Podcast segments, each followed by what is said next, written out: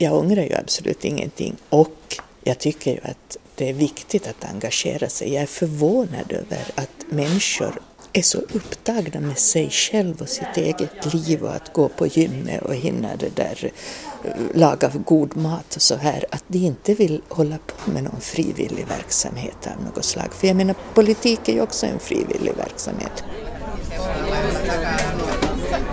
Gunilla Hell var den första politiskt aktiva person jag kom i kontakt med. Det här var någon gång i början av 70-talet och Gunilla var min bästa väninnas stora syster. På den tiden var Gunilla aktiv inom Svensk ungdom och senare också Mittenförbundet. Ja, och för dem som inte var med på den här tiden kan jag berätta att Mittenförbundet det var en politisk gruppering löst knuten till Svensk ungdom, men lite radikalare. En gruppering med gröna värden som ville vara ett alternativ till den politiska vänstern. Mittenförbundet verkade inom skolungdoms och studentpolitiken under hela 70-talet men dog ut någon gång i början av 80-talet. Och nu kunde jag förstås försöka räkna upp alla de mitteniter som senare blev inflytelserika påverkare i svensk Finland. Men det tänker jag inte göra, för det är inte det som den här serien ska handla om. Nå, I vilket fall som helst så tyckte jag att Gunilla Hell var otroligt klok och vuxen då när jag var 12-13 och hon skulle skriva studenten. Och egentligen kan man säga att det var hon som var den indirekta orsaken till att jag själv kom att röra mig mycket i mittenkretsar under en stor del av 1970-talet. Idag är Gunilla 55 och bor i Umeå, eller egentligen i Holmsund. Hon är gift med Olle och har lagt till efternamnet Jäger. De har tre barn, Åsa och Johan som är 25 och Lars som är 21. Och Gunilla jobbar på universitetet i Umeå som laboratorieassistent. Jag tog båten över till Umeå en stormig torsdag i början av juni för att prata med Gunilla.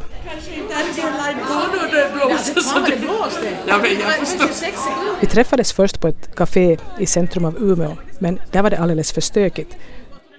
Vi försökte hitta något lugnare ställe och till slut slog vi oss ner för att prata på ett café som fanns inne i ett växthus. Ge en kort presentation av dig själv. Vem är du? Jag? Ja, jag har ju funderat mycket sedan du ringde om det här och det är ju mycket som kommer fram. Men att jag är Gunilla Hell som hamnade i Sverige trots att jag ju kanske egentligen inte riktigt hade tänkt att det skulle bli så och försökte undvika det länge. Men så här med facit i hand så kunde det väl egentligen inte ha varit så mycket bättre. Det är väl så här bra som det kan vara. Jag minns det från min tidiga tonårstid. Jag minns att du var då politiskt aktiv.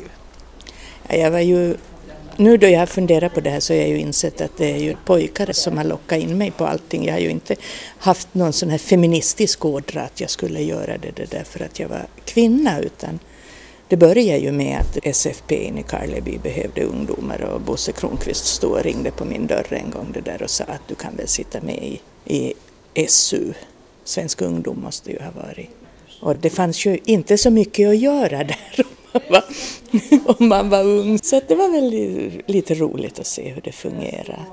Och så hade ju Peter Backa lurat med mig på en massa saker det där för att vi hade ju jobbat aktivt med elevföreningen från femman i samskolan då det där.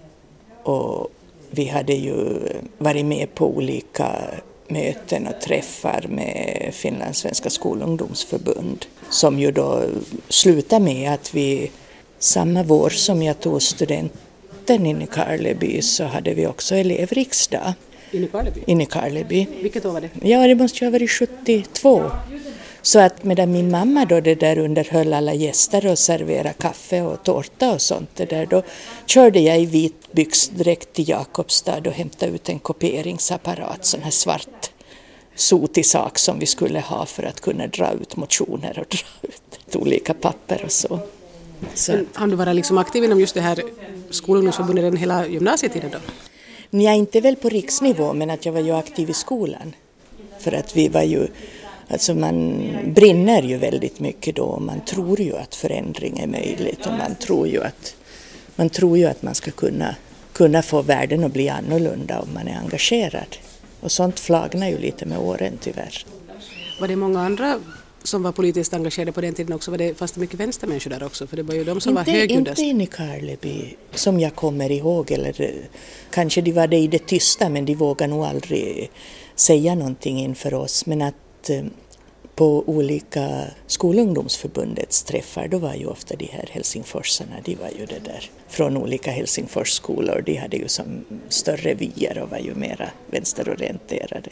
Och jag vet att vi var, vi var, men det måste nog ha varit i gymnasiet, vi var på Strömsö, ni vet där, där de hade det här programmet nu för tiden, och hade någon eh, sommarkurs eller sommarutbildning eller någonting. Och Peter Stenlund och sådana här var där. Det där. Och då, eh, då var det också oppositionella och det där och var ganska stormiga gräl på nätterna och diskussioner och, och spännande.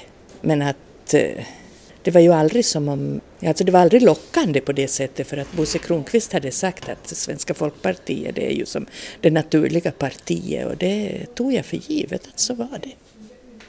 Så du tänkte aldrig att det fanns några andra eller? Nej, jag tror inte det om man får säga på det sättet. Så det där. Jag tyckte att det där att alla idéer borde rymmas inom det partiet. Jag menar, där fanns ju en yttersta höger och där fanns vänstern och så var det ju vi då som ansåg att man borde kunna tredela det politiska fältet och det var ju liksom den stora grejen som var annorlunda och, och mitten bör ju ha varit ganska nytt som begrepp då jag började studera 72 jag var ju med som kandidat i studentkårsvalet då för mitten. Och det kan jag ju knappast ha varit första hösten, men kanske då 73-74. Jag tänkte på du sa att du, du gick med för att Bosse kom och ringde på dörren ungefär och, och du hade lite tråkigt. Mm. Men hade du haft något sådant allmänt samhällsintresse så där som låg och pyrde där i bakgrunden att du då ändå lät dig lockas? Alltså jag hade ju diskuterat hemma, vi diskuterar ju mycket och gärna hemma och det där och eh, överhuvudtaget så jag var ju, jag, jag är väl lite föreningsberoende som någon kallar det. Det hade väl kunnat bli nästan vad som helst som hade ringt på dörren. Alltså det är ju roligt att vara delaktig, att vara med nästan vad det än gäller. När jag tänker på min egen tonårstid då jag rörde mig i de här mittenkretsarna så minns jag att jag aldrig var en sån som steg upp och hade speciellt mycket åsikter för jag var aldrig så hemskt säker på vad jag egentligen tyckte. Jag satt mera och lyssnade och försökte få grepp om allt det där. Men det fanns ju de som var mycket debattglada och gärna steg upp och försvara sina, som jag tyckte, väldigt tvärsäkra åsikter. Men var det sånt som att du liksom visste vad du tyckte och du stod för det och du kunde säga det också? Ja, alltså då jag väl hade, då jag hade bestämt mig eller då jag hade fått någon idé det där, då tyckte jag ju att det var väldigt roligt det här spelet, att det där försöka överbevisa någon annan. Så att ibland kunde man ju kanske mot slutet av debatter bli överbevisad själv, men det visar man ju inte. För att det var ju roligt att, att käfta emot. Jag frågade Gunilla om hon minns vilka av de idéer och principer som man pratar mycket om inom Mittenförbundet på 70-talet som kändes speciellt viktiga för henne. Det som ju jag hade våldsamma debatter med det där, så det var ju just det här om kärnkraften. Och jag tyckte ju att eh, det var så självklart att man inte skulle ha kärnkraft. Men det, är ju, det ska man ju se i, i ljuset av vad vi visste då. Det är ju lätt att säga att varför var man så emot kärnkraft? Men det var ju det att vi hade ju ingen, ingen uppfattning om något klimatförändringar eller uppvärmning eller någonting sånt. Utan vi trodde ju inte, vi, vi förstod ju inte bättre. För nu är ju kanske kärnkraften det bästa, renaste sättet att få energi. Men har man ännu löst det här med det här förvaringen av det här avfallet? Nej, det har man ju inte och det är väl det där, det som jag väl, som vi diskuterar mycket det där hemma då, det där kanske inte de här politiska sammanhangen, för där var jag ju bara med likasinnade. Men hemma så var väl det här att man inte kan basera en ideologi på att människor ska avstå. Och om vi ska börja använda mindre energi till exempel, så betyder det ju att man kanske ska strunta i någonting av sin bekvämlighet. Och det är ju, det är ju alltid svårt om man ska ta ifrån människor någonting som de har vant sig vid att ha. Men att det som jag ju, alltså som tilltalar mig väldigt mycket, det var ju det att man ska kunna att man ska kunna leva i alla landsändar och att man ska försöka att ha råd att sprida ut människor jämt över landet och inte nödvändigtvis koncentrera dem till stora metropoler. Och att man ska inte vara förutbestämd att bli eh, skogshuggare bara för att man råkar växa upp i Vilhelmina eller någonting sånt, utan man ska ha, det ska finnas vägar och möjligheter för eh, alla.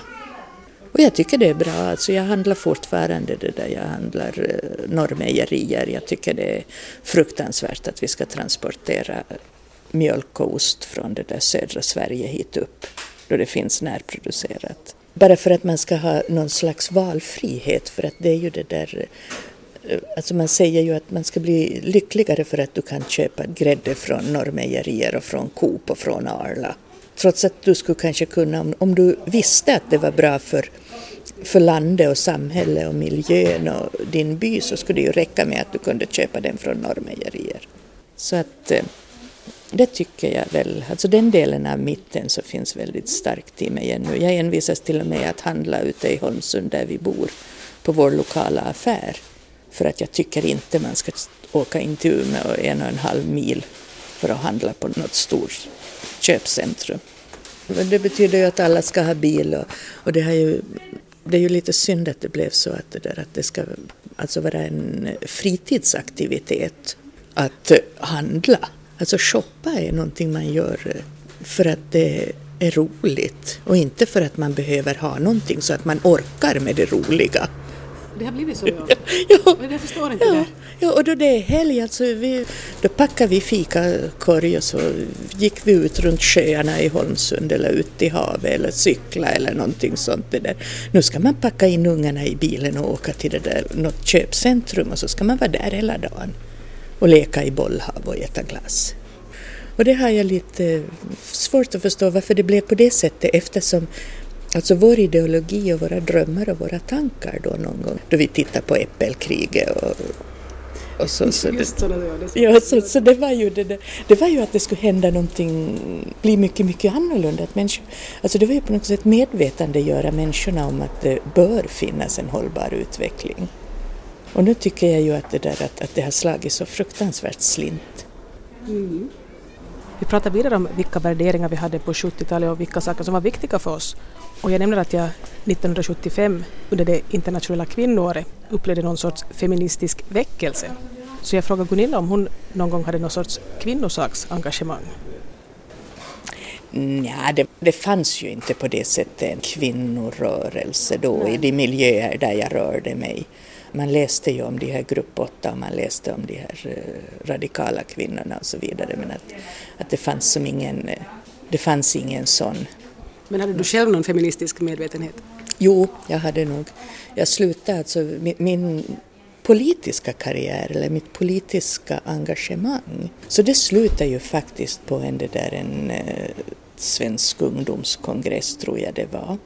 Då det var diskussion om att jag skulle väljas in i kulturutskottet kanske, svensk ungdoms eller någonting. Alltså det var någon sån här eh, alltså obetydlig tjänstbefattning som absolut inte hade någon eh, något politiskt impact whatsoever. Då är det någon sån här eh, gubbe då, man kunde ju vara ganska gammal i svensk ungdom också, så, som det där stiger upp och säger, det var två mot, någon motkandidat, och stiger upp och säger att, att ja men jag tycker att vi ska välja Gunilla för att vi behöver ju ha mer unga kvinnor i politiken. Och det skulle han inte ha sagt, för jag ville ju bli vald för att jag kunde prata för min sak eller hade goda idéer och inte för att jag råkar vara en ung kvinna. Jag frågade Gunilla om hon sen fortsatte att vara engagerad på annat håll trots att hon blev trött på politiken. Ja, alltså som, jag är ju föreningsberoende, jag har ju alltid fortsatt med föreningsliv. Jag var ju med då i ämnesföreningen och sen då, då jag flyttade hit så då hade jag ju tänkt att nu ska det inte vara några styrelser och det ska inte vara några möten och det ska inte vara det där, eh, vara någonting sånt här eh, utöver att jag ska, nu ska jag liksom ägna mig åt mig och mitt liv. Men att eh, ganska snart så satt jag ju i styrelsen på institutionen. Då barnen blev större eller kom i skolan så då blev jag ju det där scoutledare. Så då har jag varit scoutledare långt efter att de har slutat och försvunnit och jag har suttit i styrelse där och jag har suttit i styrelse och varit ordförande för föräldraföreningen på deras skola och också haft andra uppgifter och så här. Så att jag har, jag har väl i grunden lite svårt att låta bli att lägga mig i. Och det var väl kanske lite otur att så mycket av engagemanget skulle sammanfalla med att barnen var i tonåren och så här det där. Så att jag har ju ett sånt här bra exempel det där då, då jag vet inte hur gammal Johan var då det där och stod och fyllde diskmaskinen och sen liksom tittade han på mig då, då jag hade kommit hem från jobbet och ätit lite middag och var på väg ut igen till något möte eller något det där. Och så tittar han på mig och så säger han, hör du mamma, gör du egentligen din del i den här familjen?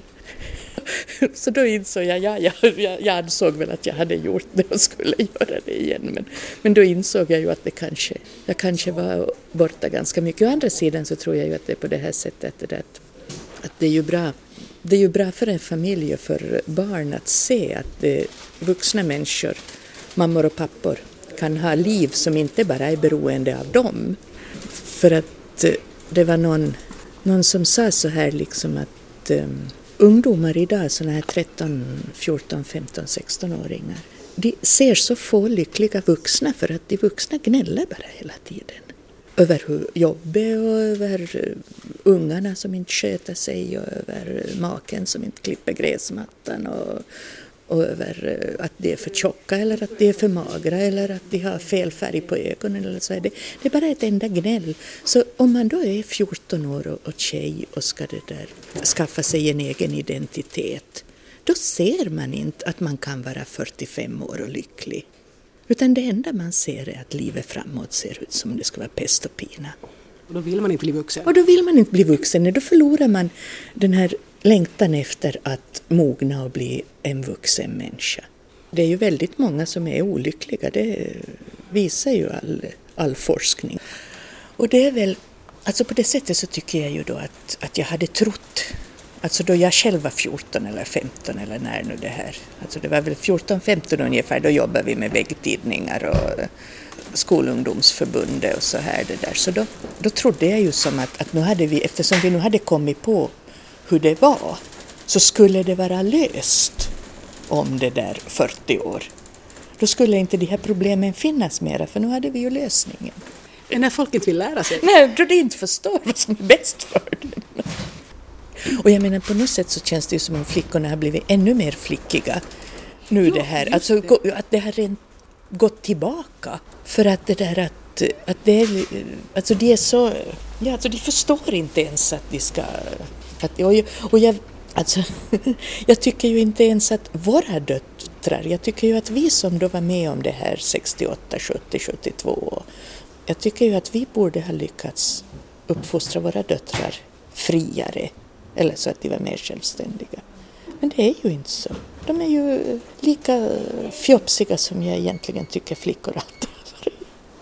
Men det är ju det jag tycker att jag tycker liksom att jag hade tur som fick vara ung på 70-talet. Mm. Men sen har det ändrat igen och blivit ja. mycket mer mm. polariserat. Ja, och inte ens riktigt polariserat utan det är ju det att jag tycker ju att, att pojkarna har tagit upp liksom de, de jobbigaste sakerna. De ska ha produkter som de ska smörja sig med här och där och de ska... Att det Ännu Sverige mera. ja, Ännu mera Sverige. Ja, det kan ju hända det, det är Sverige. Men jag tror, alltså jag, då du säger att det är Sverige, det, det, där, det är ju faktiskt så att det där som jag har sett de här båda samhällena så har ju kvinnor i Finland har ju haft en större självkänsla och en större, har, har ju varit tuffare. För alltså nästan alla mina jämnåriga här har ju haft mammor som var hemmafruar. Och det var ju inte fallet i Finland för nästan alla kvinnor. Jag tror inte, alltså jag kände ju några bondfamiljer där hon jobbade i, i jordbruket. Men jag kände ju inga familjer där, där mamman var hemmafru. Då man någon gång fick höra talas om någon som var hemmafru så då, då var det ju sådär, ja, ja men att hon är ju bara hemma och så var det lite genant då att ha en mamma som bara var hemma. Kanske det var just kriget som gjorde att kvinnorna tvingades arbeta så märkte de att hej, det är ju kul. Ja, och att det fungerade. De var inte sämre än män utan de kunde göra samma saker som män så att då, det där, då fortsatte man och då var det så här. Jag kommer plötsligt att tänka på Gunillas mamma som var lektor i biologi och geografi i Samskolan och senare i gymnasiet. Du hade ju själv en mor som var också akademiskt utbildad. Mm.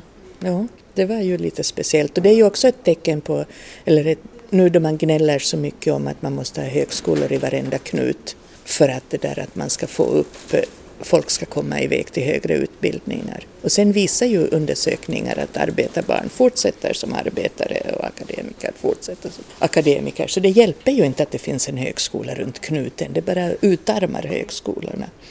Och då det där eh, hon är ju ett exempel på att man kunde fara från en liten by och från väldigt enkla förhållanden. Men du uppfattade att hon var extra tuff och extra initiativrik? Nej, hon, hade ju en, hon hade ju en pappa, alltså min morfar, som jag ju aldrig upplevde eftersom han var ju så väldigt gammal. Han, han var ju lite märklig. För att han hade ju, alltså han, min mamma var ju då enda barnet i andra äktenskapet. Och han hade ju haft, eh, var född på 1850-talet och hade ju, jo precis, så att han var ju över 60 år då min mamma föddes. Och han hade haft då en kull med barn i slutet av 1880-talet och då hade han skolhushåll i Vasa och också döttrarna fick gå i fruntimmersskolan eller vad det nu hette i Vasa. Så att det var ju väldigt märkligt och då min mamma då skulle börja läsa eller gå i läroverket i Jakobstad, då var hon ju tio år. Första året då så skickade han med sin hustru, så då bodde hon med henne där för att hjälpa henne till rätta hela det läsåret. Så att eh, han hade ju någon slags eh, tanke om att man skulle komma vidare. Men han ägde ju ingen jord till exempel eller någonting sånt utan han hade en massa konstiga företag som gick i konkurs. Men hon blev utbildad? Men hon blev utbildad ju.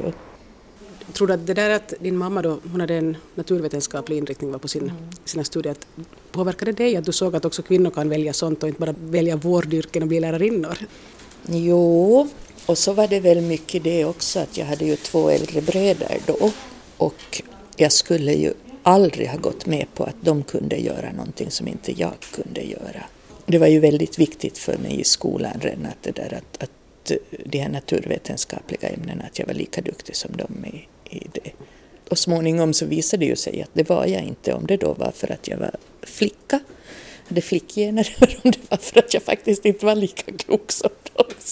Kanske hade andra begåvningar? Ja, det kan ju hända det ju, eller att jag inte, för att det kan då inte ha berott på att jag inte jobbar lika mycket som dem. Eller jag försökte nog. Så att det där att, att jag vet inte riktigt, men det var ju det var ganska naturligt för mig att läsa naturvetenskap. Det var inte det där. Vi har ju alla, alla blivit naturvetare. Jag hade ju gärna, och det har jag ju, skulle jag ju gärna fortsätta med fortfarande, alltså jag tycker ju om ord läsa, skriva eller syssla med språk, alltså överhuvudtaget ord och så. Men att då, och där påverkade ju mig definitivt för att om jag hade kunnat välja fritt bara efter vad jag tyckte var roligt så som man väljer idag så då hade jag ju valt någonting med, som hade med ord att göra eller ordbruk. Men det där, man, det blir ju så tråkiga jobb tyckte de. Om man ens får jobb, för det fanns ju så många som läste sånt på den tiden eller studera sånt, det finns väl fortfarande. Så att det där att, att på det sättet så tyckte de ju att det här skulle ge ett rejält jobb och så om jag nu var så intresserad av det här med att skriva ord och så där så då fick jag väl göra det på fritiden. Har du gjort det? Jag har ju inte gjort det så jag kanske inte var så intresserad i alla fall. Eller så har du bara inte börjat ännu? Eller så har jag inte, nej precis, man kan ju debutera sent också. Så. så vad valde då Gunilla Hell att studera och var? Jag sökte ju till Åbo också och kom in där. Men att jag ville ju egentligen inte gå på Åbo akademi för det var som lite för nära Österbotten. Jag, så, så, så fin i kanten var jag nog att jag ville det där prova på någonting annat. Att då jag då kom in i Helsingfors, för det var ju inträdesprov, till Åbo akademi räckte det ju med betygen. Då jag då klarade inträdesproven till i Helsingfors så var det ju ganska naturligt och där hade jag ju två bröder också Ja, var, alltså jag trivdes otroligt bra i Helsingfors. Så du sökte till vilket ämne? Eller sökte man till ämne eller till fakultet? Ja, alltså jag sökte till matematik och kemi och så, alltså naturvetenskapliga sektionen hette det nog där. Och då hade jag ju redan bestämt att jag ville läsa biokemi som var ett ganska nytt ämne. Biokemi var ju det ämne som flickor ofta läste. Så att så var det med det. Men jag tyckte att det lät intressant. Och så läste jag ju biokemi där då ganska länge, blev kandidat och sen flyttade jag hit och här har jag ju då jobbat i, inom området som det där molekylärbiolog på universitetet. Det har väl varit den bästa arbetsplats man kan ha för att det har ju varit väldigt fritt och väldigt eh, inspirerande och en spännande arbetsmiljö med mycket olika människor som har kommit och gått. Men vilka vägar tog det från Helsingfors till Umeå? Ja, jag hade ju det där träffa en eh, jag var ju aktiv då på nationen, Vasa nation och Vasa nation hade ju utbyte med Norrlands nation. Då var jag placerad eh, bredvid en svensk jurist och det där och eh, hur det nu var så förlorade vi aldrig kontakten och jag kämpade ju hårt för jag ville ju inte flytta till Sverige för det var ju lite som att ge upp. Jag, jag ville faktiskt bo i Finland. Men att det där att då han då hade det där fått jobb här i Umeå och jag insåg att här fanns ett universitet och möjligheter för mig att kanske hålla på med det som jag hade utbildat mig till. Så då eh, flyttade jag hit på prov då det där och hade inget, hade inget jobb men det där hade kontakter på universitetet. Och så fick jag ett tre månaders vik som nu då har hållit på sedan hösten 82. Och det var ju som sagt ett experiment det där och det måste man väl säga att föll väl ut. Men du sa det här att, du, att det var som att ge upp att flytta till Sverige. Varför ja, men det? var ju, jo, men det var ju det där, alltså det var ju som man sa i Österbotten på något sätt det där om folk som inte hade lyckats få något arbete eller hade lyckats göra någonting, att ja, men det är få till Sverige. Man kunde alltid fara till Sverige för där fanns ju alltid jobb. Så att det var liksom lite sådär att, och så, och så visste man ju hur att jag så bor du i Sverige. Det var ju som... Jag tänkte på vad folk skulle säga. Ja, jag tänkte på vad folk skulle säga eller sådär att det, och det är fortfarande lite, alltså jag tycker det är en rikedom att jag har Österbotten, för det var ju nästan som att flytta till Österbotten. Västerbottningarna är väldigt lika österbottningarna. Min, min stora flytt i livet det var ju då jag flyttade till finska Finland, alltså till Helsingfors. För jag flyttade till en storstad och jag flyttade till en annan språkmiljö. Här är jag som flyttat tillbaka. Mm. Caféet där vi sitter ska snart stänga, så jag frågar Gunilla om hon vill tillägga någonting angående sitt politiska engagemang i ungdomen eller någonting annat? Nej men, nej, men alltså jag, jag ångrar ju absolut ingenting och jag tycker ju att det är viktigt att engagera sig. Jag är förvånad över att människor, åtminstone här, är så upptagna med sig själv och sitt eget liv och att gå på gymmet och hinna det där, eh, laga god mat och så här, att de inte vill hålla på med någon frivillig verksamhet av något slag. För jag menar polit, politik är ju också en frivillig verksamhet. Och bara för att man, alltså då var vi unga och det var studentpolitik och så här. Men det är ju som ett, ett grupparbete man gör tillsammans. Och det borde finnas mer människor som hade tid med sånt. Det skulle finnas så mycket som helst att prata om men jag börjar så småningom få lite bråttom till min båt. Jag frågade nog Gunilla om hon sådär som avslutning skulle vilja säga någonting sådant sammanfattande om ja, lite levnadsvisdom, sånt som man har kommit fram till genom att leva ganska många år. Ja, att det där, så här kan vi väl säga. Livet blir ju inte alltid så som man tänker sig det då man är ung. Men att det behöver ju inte nödvändigtvis bli dåligt för det. Eller det, att det finns ju så många olika vägar eller lösningar. Och som ung är man ju ganska säker på på något sätt att det finns en lösning och den har man kommit på just då. Man är 23 och man vet precis hur man vill ha sitt liv och det det. Får man det inte på det sättet så då kommer man att börja stortjuta för att det är inte bra. Och sen har ju då livet slipa av en väldigt mycket av det där genom olika besvikelser eller olika saker som man har varit tvungen att hantera. Så att, att sen liksom då, då det har gått ett antal år då inser man ju kanske att ja, men det blev väl inte så tokigt i alla fall trots att det inte blev precis som du tänkte. Så du visste när du var 23 hur du ville det skulle vara du? Ja, man har ju, ja men man måste ju ha som en plan i alla fall eller en, en föreställning av hur det ska bli. Men hur tänkte du det skulle bli då? Vad skulle du, uh... Det vet jag ju inte men alltså jag såg ju framför mig eh, någon gång där då jag läste biokemi att jag skulle, jag skulle bli sjukhuskemist var, var planen.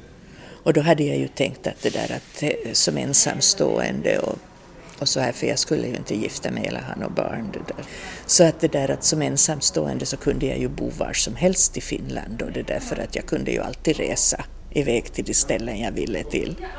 Och jag tog ju som för givet att jag, ja, alltså familj och hus och hem och sånt här, det hade jag inte trott att jag skulle ha tid eller möjlighet med. Det där. Jag, jag trodde ju att jag skulle klara mig själv, eller klara mig ensam, heter det kanske. Men det blev inte så. Nej, det blev inte så det där. Och det är väl det som är, är styrkan med livet, att det kan välja åt en. Man kan inte förutse allting, bestämma allting.